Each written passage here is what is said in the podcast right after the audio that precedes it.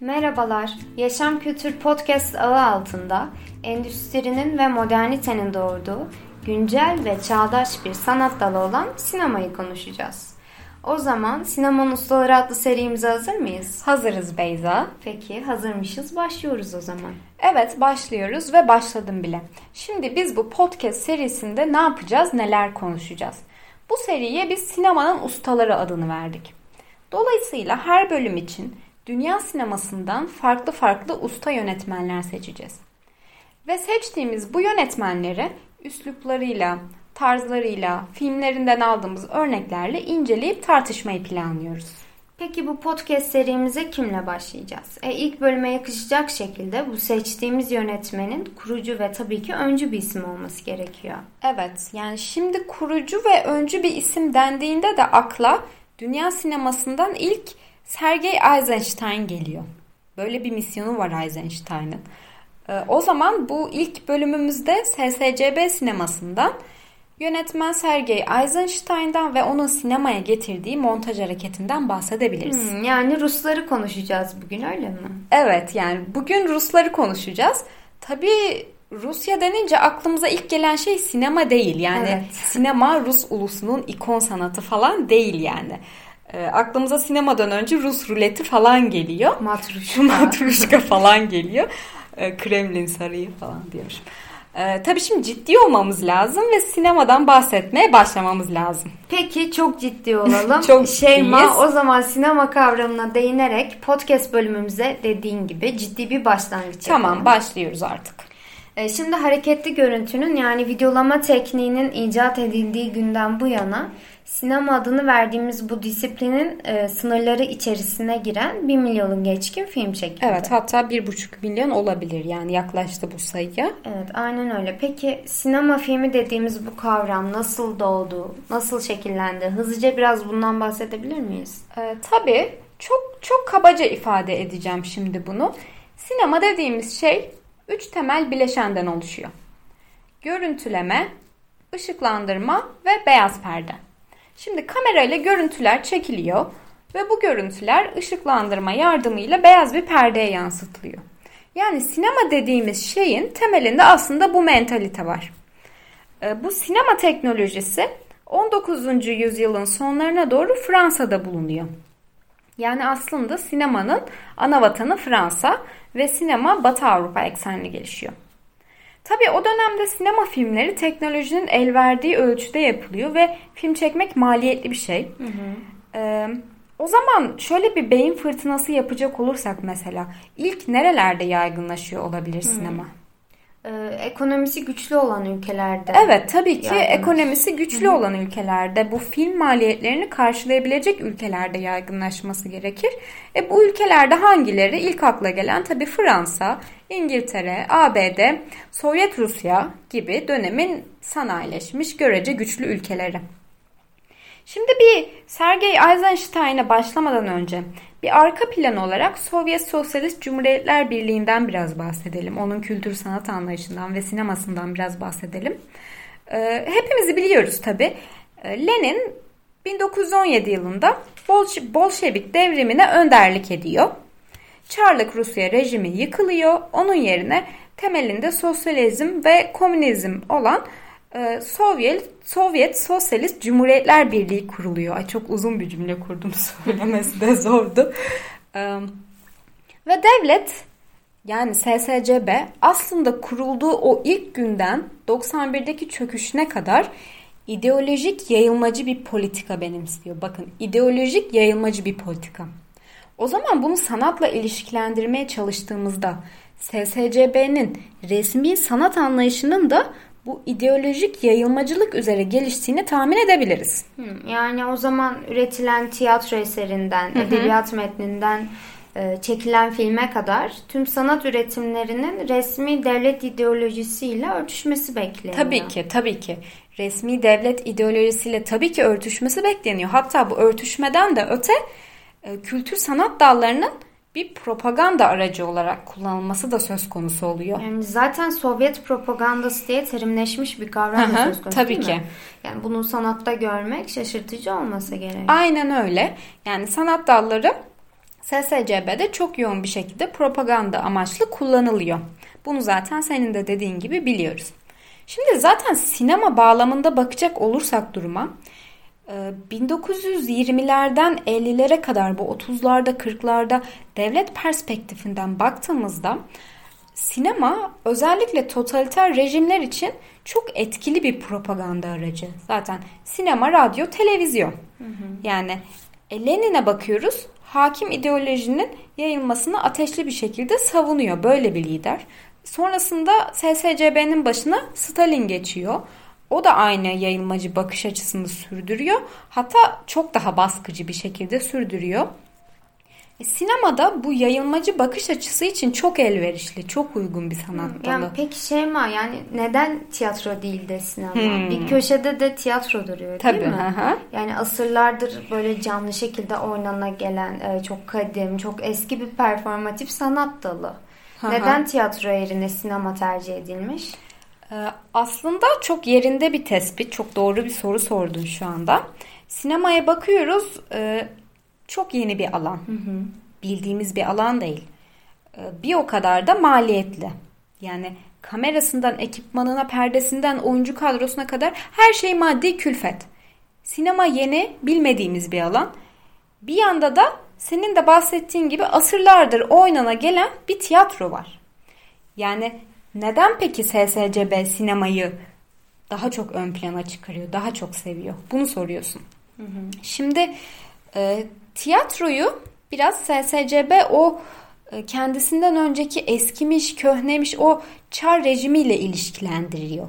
Yani nasıl yani? Nasıl yani? Yani tiyatro sanki bu çar rejimindeki elit sınıfın eğlencesi için var gibi. Yani böyle eğlencesi alım. için oynanıyor gibi. E, eğlencesi için oynanıyor Hı-hı. ki böyle de böyleydi de zaten. Hani Çarlık Rusya döneminde tiyatro elit sınıfın eğlencesi için vardı.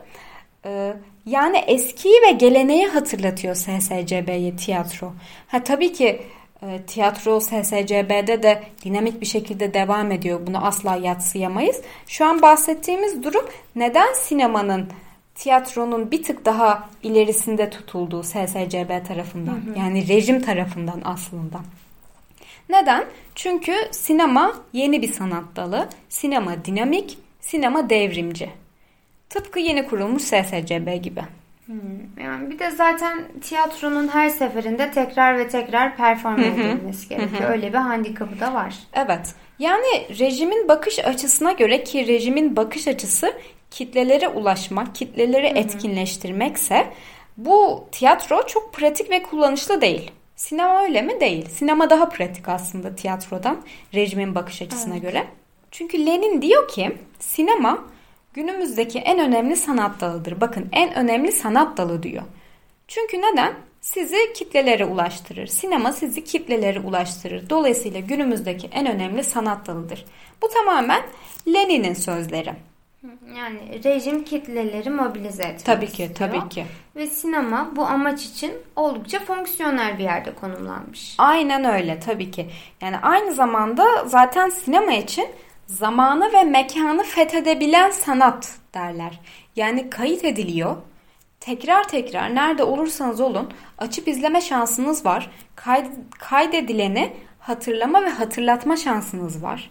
Yani böylece sinema tüm o dinamikliğiyle, tüm o teknolojisiyle, enerjisiyle bir o kadar enerjik, bir o kadar dinamik, devrimci SSCB'nin devrimci sanata haline geliyor. Hı hı. Yani ikisi de enerjik, ikisi de dinamik, ikisi de devrimci.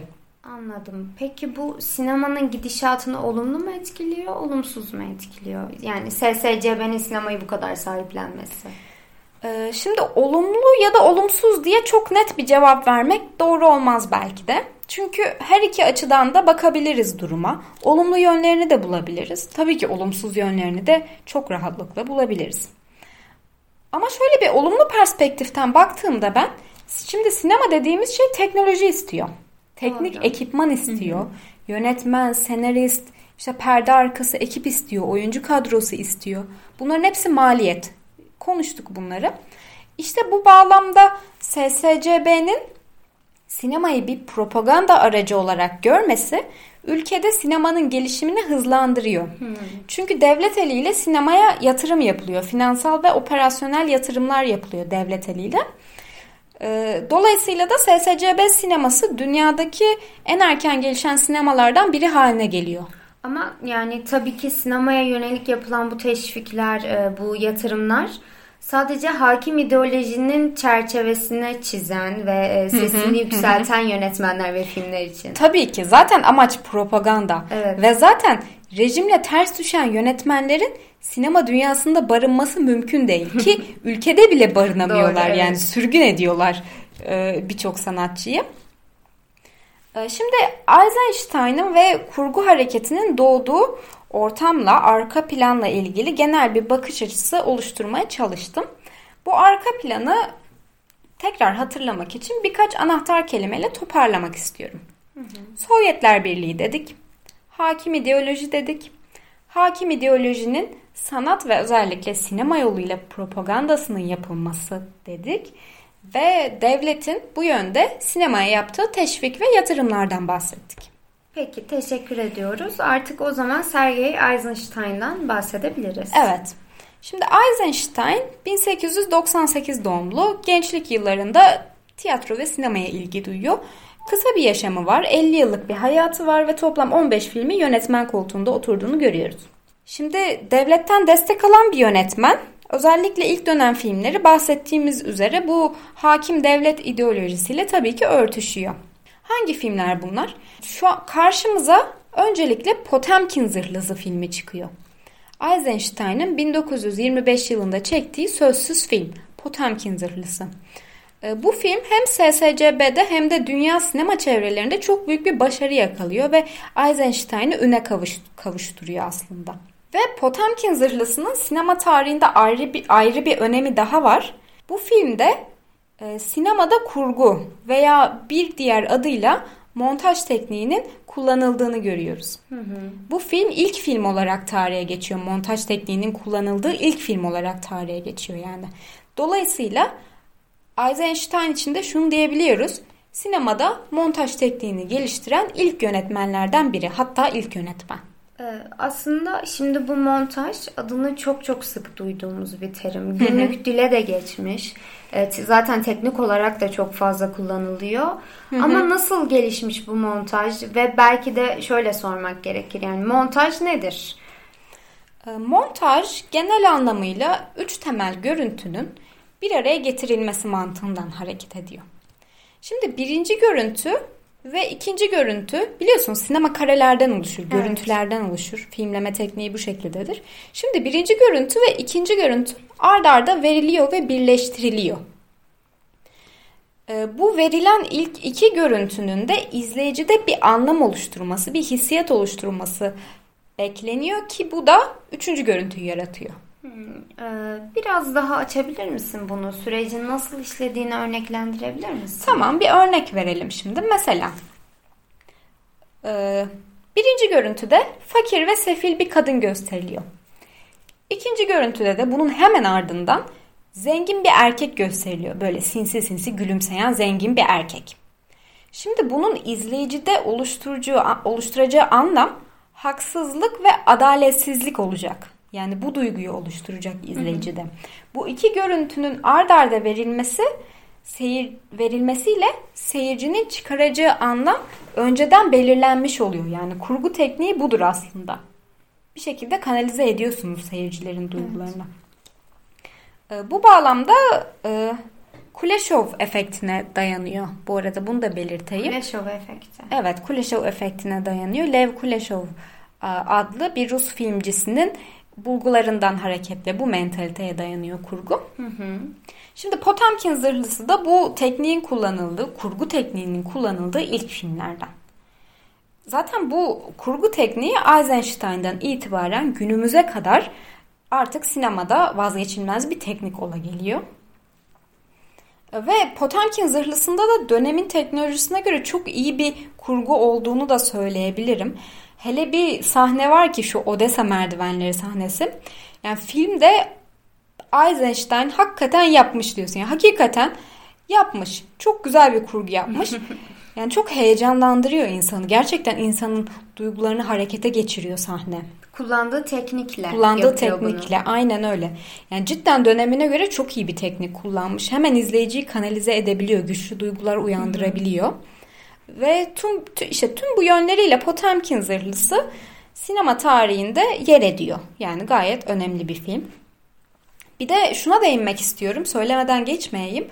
Filmdeki neredeyse tüm oyuncular amatör. Amatör. Amatör, yani evet. Profesyonel oyuncu değiller. Yok hayır profesyonel oyuncu değiller. Ee, bu da filmin başarısını takdir etmek için bir neden aslında bence. Evet doğru.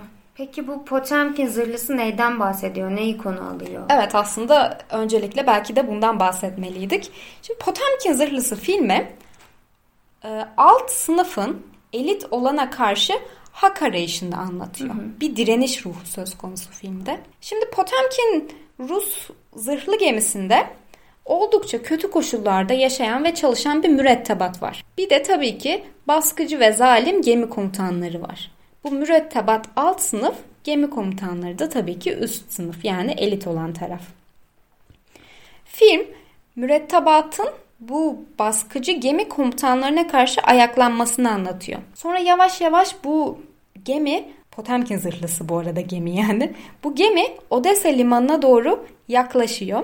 Ve gemi limana doğru yaklaştıkça limanda halkın da bu ayaklanmaya destek verdiğini görüyoruz. Kısa bir zaman içerisinde bir direniş başlıyor ve çatışma çıkıyor tabii ki. Şimdi film tüm bu direniş ruhunu çok hızlı, etkileyici müziklerle ve çok dramatik sahnelerle anlatıyor.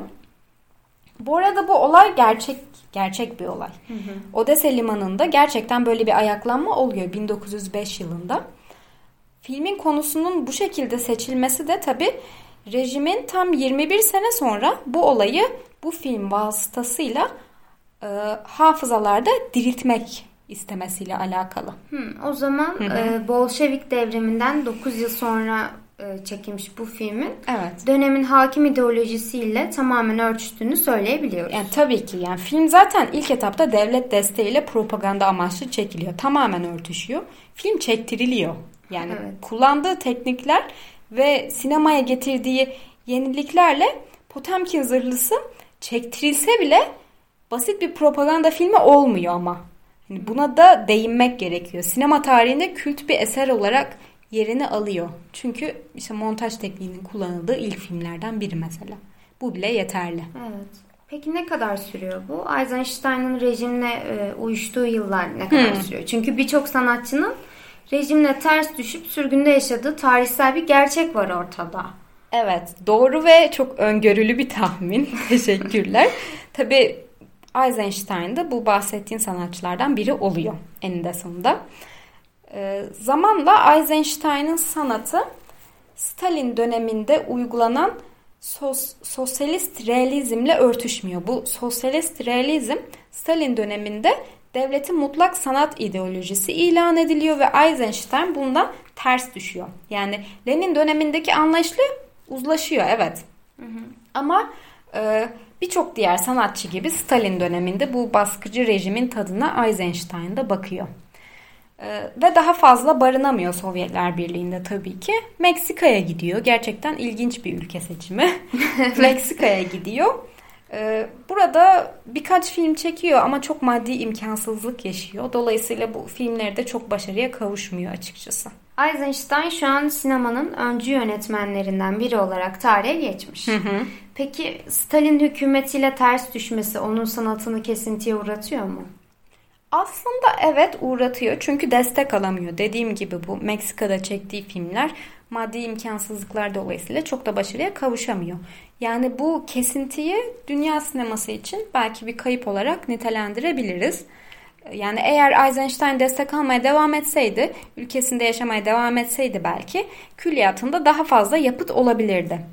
Ya, tabii sonra SSCB'ye dönüyor mu bildiğim kadarıyla? Aha, tabii dönüyor. SSCB'ye dönüyor ve döndükten sonra gene güzel ve kaliteli filmler çekiyor aslında. Hmm, bırakmıyor yani. Bırakmıyor. Aha.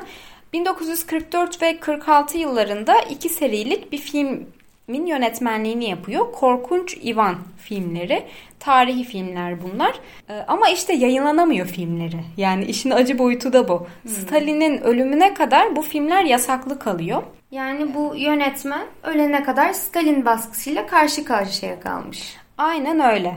Yani 1948 yılında ölüyor e, Eisenstein. Stalin de senin de bildiğin gibi 53 yılında ölüyor. Yani dolayısıyla ölene evet. kadar aynen ölene kadar yayınlanamıyor yani Eisenstein'in filmleri. Yani devlet devlet desteği almasıyla çektiği filmler dünya sineması için e, bir kazanç ama bu totaliter rejimin baskıları baskıları dolayısıyla çekemedikleri de bir o kadar kayıp. Hı hı. Yani neresinden bakarsanız artık duruma. Ee, tabii her ne kadar birçok talihsiz durum yaşamış olsa da Eisenstein çektiği filmlerle ve muhteşem bir buluş olan montaj tekniğiyle sinema dünyasına adını altın harflerle yazdırdı. Bunu evet. diyebiliyoruz. Hı hı. Yani özellikle Potemkin zırhlısını bilmek ve izlemek lazım. Hele şu filmdeki Odessa merdivenleri sahnesi var ya gerçekten çok etkileyici yani. Gerçekten. o zaman SSCB amacına ulaşmış yani en azından seni etkilemiş. Ya bilmiyorum ya propagandaya maruz kaldım aman Allah'ım. Yani SSCB mi etkiledi bilmem ama filmin etkilediği doğru şimdi. Peki çok teşekkürler. Ee, Sinemanın Ustaları serimizin ilk bölümünde ilk dönem SSCB'nin sinema ve sanat anlayışı. Hı hı. Eisenstein ve onun sinemaya getirdiği kurgu tekniği ve Potemkin zırhlasından bahsettik. O zaman gelecek bölümde kimi konuşalım, kimi konuşalım? Riefenstahl'i konuşalım. Peki. Çok yakında o zaman görüşürüz. Hoşçakalın. Hoşça Takipte kalın.